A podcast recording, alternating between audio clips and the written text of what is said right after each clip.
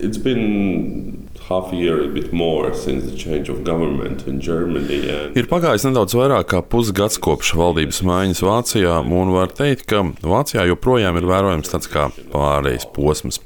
Taču viens ir skaidrs, Angela Merkels ēra ir noslēgusies, un tā vien liekas, ka mēs redzam pilnīgi citu Vāciju.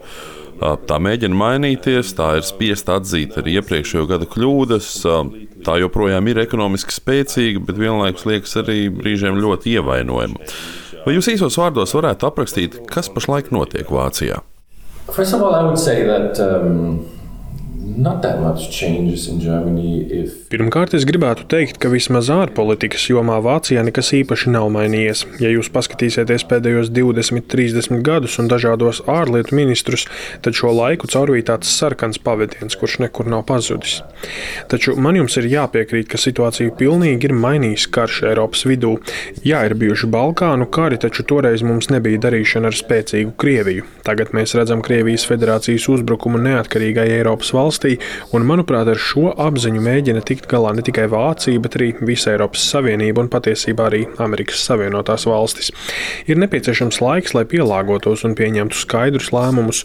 To dara gan Vācija, gan citas Eiropas valstis. Varbūt Vācijai tas prasa nedaudz vairāk laika, jo tās ārpolitika šādu agresijas formu saulēcīgi neprognozēja. Tad tas padara šo pielāgošanos grūtāku, taču Vācija pielāgosies. to adjust, but it will. During the last couple of months, uh, while the, the war is going on, uh, one of the Pēdējo mēnešu laikā, kopš turpinās karš, ļoti plaši tiek apspriesta situācija Vācijas bruņotajos spēkos. Gadiem ilgi Vācija ir visai negribīgi investējusi savos bruņotajos spēkos un tos modernizējusi. Un tā vien liekas, ka šāda stratēģija tagad ir parādījusies dienas gaismā ar visām tām problēmām. Un var teikt, ka situācija ir, ja ne visai bēdīga, tad pat ļoti slikta. Kāds būtu jūsu skatījums uz šo? Don't forget that uh, Germany, um, before the Cold War, invested a lot in the army. Neaizmirsīsim, ka pirms augstā kara Vācija savā armijā investēja ļoti daudz, un pēc augstā kara bieži tika piesauktas dividendes no miera, un gan Vācija, gan citas valstis to ļoti ievēroja. Vācijas aizsardzības budžets ir 50 miljardi eiro, un tas nav slikti. Taču politiķi bieži vien norāda, ka runa nav par naudu, bet gan par sarkanajām līnijām Vācijas iekšienē, kas apgrūtina saulaicīgu un nepieciešamu risinājumu atrašanu. Taču bruņotie spēki Vācijā tiešām nav tajā labākajā formā, un kā pirms dažām nedēļām pavēstīja kanclers un valdība, tas tiks mainīts un bruņotajos spēkos atbilstoši situācijai tiks iepludināts vairāk līdzekļu. Ir sens britu premjerministra teiciens. Kas liek politikai virzīties uz priekšu? Notikumi, manu zēnu, notikumi. Pašlaik mēs redzam notikumu, un Vācija reaģēs. Bet atkal tas viss notiek NATO iekšienē, un visas valstis dubulto vai pat trīskāršo savus centienus. Taču šajā situācijā pats svarīgākais ir šo centienu apvienošana un atbildības dalīšana, un Vācija ir tam gatava. You already mentioned uh, NATO and Brits. Jūs jau pieminējāt NATO un Britus. Pirmais NATO ģenerālsekretārs Lords Ismais ir izteicies, ka pati NATO būtība ir saglabāt amerikāņus iekšā, krievus laukā un vāciešus pie zemes. Ja mēs ņemam vērā otrā pasaules kara vēsturi un arī visus pēc tam sekojošos notikumus, vai ir iespējams teikt, ka tieši NATO nostāja ir veicinājusi to, ka Vācija ir bijusi, ja tā var teikt, nospiesta pie zemes, vai arī tā ir bijusi pašas Vācijas izvēle? No, I think that's far fetched. Nē, es domāju, ka tas būtu pārspīlēti. Piemēram, daži poļu politiķi pat saka, ka mēs baidāmies no nepietiekami bruņotas Vācijas. Es domāju, ka NATO sabiedrotie noteikti ir ieinteresēti militārās aizsardzības spēju stiprināšanā. Vācijas spēki bija Afganistānā un mēs joprojām esam Malī, taču karš Eiropā ir kaut kas atšķirīgs. Sasteigt lēmumi nav pareizi. Es domāju, ka Vācija savas saistības NATO ietvaros pilda un arī finansējums tiks palielināts līdz 2%. Kopš Vācijas apvienošanas Vācija saprata, ka ir nepieciešams darīt vairāk, taču situācija Eiropā bija salīdzinoši mierīga. Krievija nelikās bīstama un nebija sajūtas, ka tā kļūs bīstama, taču tagad tas ir mainījies. Threat, it seems it will not become a threat, and this has changed. if speaking about the decisions to Domājot par to, kas tad ir piespiedzis Vāciju mainīties, man nāk prātā tāda doma, ka tas varētu būt pirmkārt Donalds Trumps, kurš pirms dažiem gadiem norādīja, ka Vācijai būtu jāsniedz lielāks ieguldījums NATO. Un tagad arī Vladimirs Putins ar savām darbībām. Divas ļoti pretrunīgi vērtētas personas tomēr ir novedušas pie tā, ka Vācija mainās. Before, events, boy, so Kā jau es teicu, notikumi, man zēna, notikumi. Situācija tobrīd bija ļoti skaidra. ASV vairs nebija tik stabils sabiedrotais un tik stabils rietumu pasaules aizsardzības pīlārs, kādu mēs bijām pieraduši redzēt. Tagad viss ir pilnīgi pretēji, un Amerikas Savienotās valstis atkal ir ļoti spēcīgas. Varbūt Baidens ir pēdējais transatlantiskais prezidents, ko nākamā paudze teiks par drošību Eiropā un cik ļoti tā mūs atbalstīs. Un par šo jautājumu domāja ne tikai Vācija, bet arī NATO un tostarp arī Baltijas valstis. Otra situācija, protams, ir tā, kas tika ilgi noliegta, taču taču tagad ir acīm redzama. Kodola lielvalsts iebruk citā valstī un ir jādomā gan par savu individuālo, gan kolektīvo aizsardzību.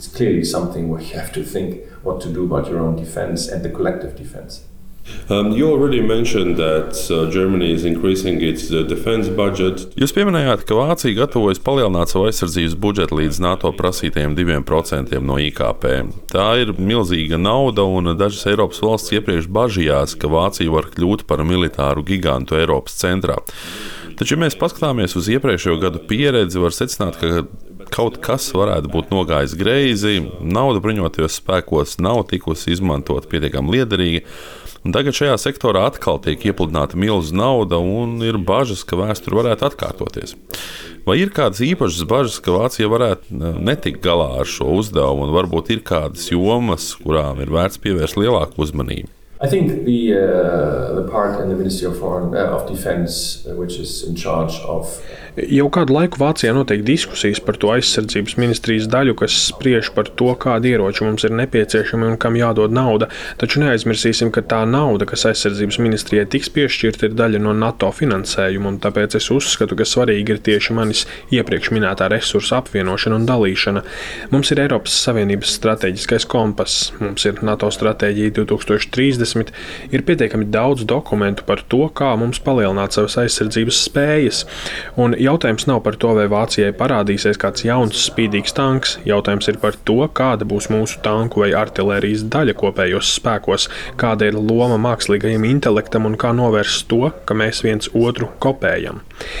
Šāda domāšana vienmēr ir pastāvējusi NATO ietvaros. Tagad kaut kas līdzīgs ir sācies arī Eiropas Savienībā, taču tā vēl nav pietiekami laba. Un neatbildēts ir jautājums, kā apvienot un koordinēt Eiropas Savienības un NATO darbības. Par to domā visi. Un jautājums tiešām nav tikai par naudu, bet par koordināciju. And, uh, money, When there were those discussions going on about uh, Germany. Kad aizsākās šīs sarunas par to, vai Vācijai vajadzētu piegādāt smago bruņojumu Ukrainai vai nē, es lasīju arī kādu rakstu par to, ka Vācija un Francija, kā arī vairākas citas Eiropas valsts, joprojām turpina piegādāt militāro aprīkojumu arī Krievijai. Un tas nav vienīgais sektors, kur sadarbība ir turpinājusies, jo Vācija vienmēr ir uzsvērusi savu pragmatisko attieksmi pret sadarbību ar Krieviju un arī savām nacionālajām interesēm. Nu, piemērs ir kaut vai gāzes sektors.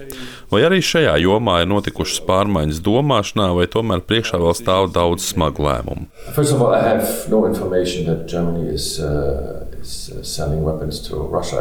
Man nav informācijas, ka Vācija pārdot ieročus Krievijai, jo vācu ieročiem ir NATO standarts, bet Krievijai ir citi standarti, un es pat neesmu pārliecināts, ka NATO partneriem ir tiesības to darīt.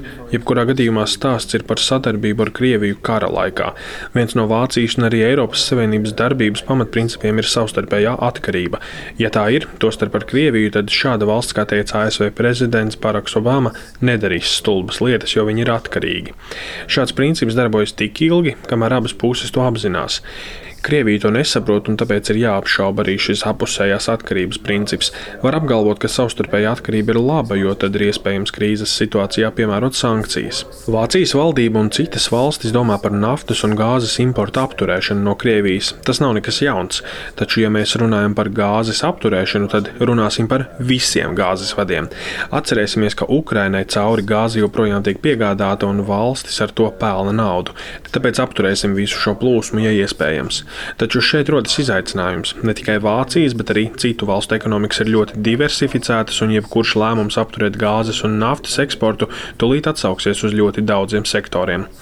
Mums ir jāpārliecinās, ka pārējie notiek gludi, un Vācija tieši to tagad arī dara.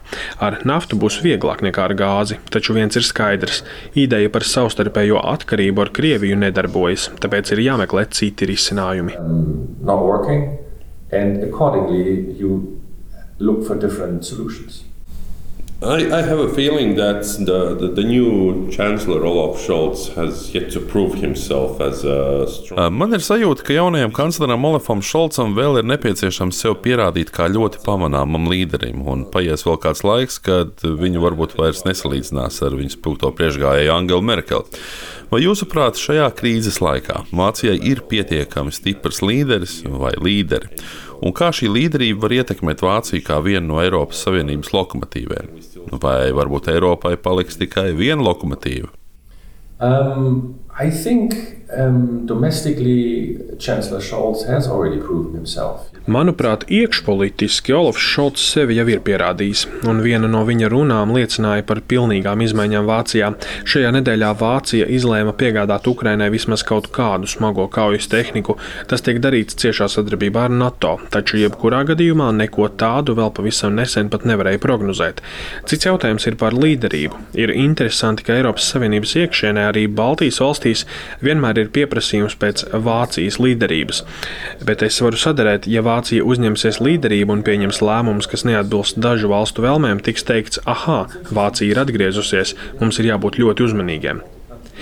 Vācija ir pārliecinājusies, ka labākais risinājums ir kopīgi pieņemt lēmumi. Tiem nav obligāti jābūt publiski izteiktiem plašākai sabiedrībai, un tie var tikt pieņemti aiz slēgtām durvīm. Tāpēc ne viss, ko Vācija dara, uzreiz kļūst publiski zināms. Mums nav tādu tradīciju kā Britu premjeram Džonsonam vai Francijas prezidentam Makronam. Mums ir cita pieeja, un, manuprāt, tas būtu jānovērtē gan Eiropas Savienības, gan NATO iekšienē. Taču es piekrītu, ka ir nepieciešama ciešāka komunikācija. Mēs dzīvojam 24-7 informācijas laikmetā, un arī Vācijas valdībai tam ir vairāk jāpielāgojas. Taču mana pieredze liecina, ka Vācija joprojām ir līderpozīcijās, taču tai ne obligāti par to ir jāsaņem aplausi. To nevajadzētu kritizēt, jo tas var būt liels pluss.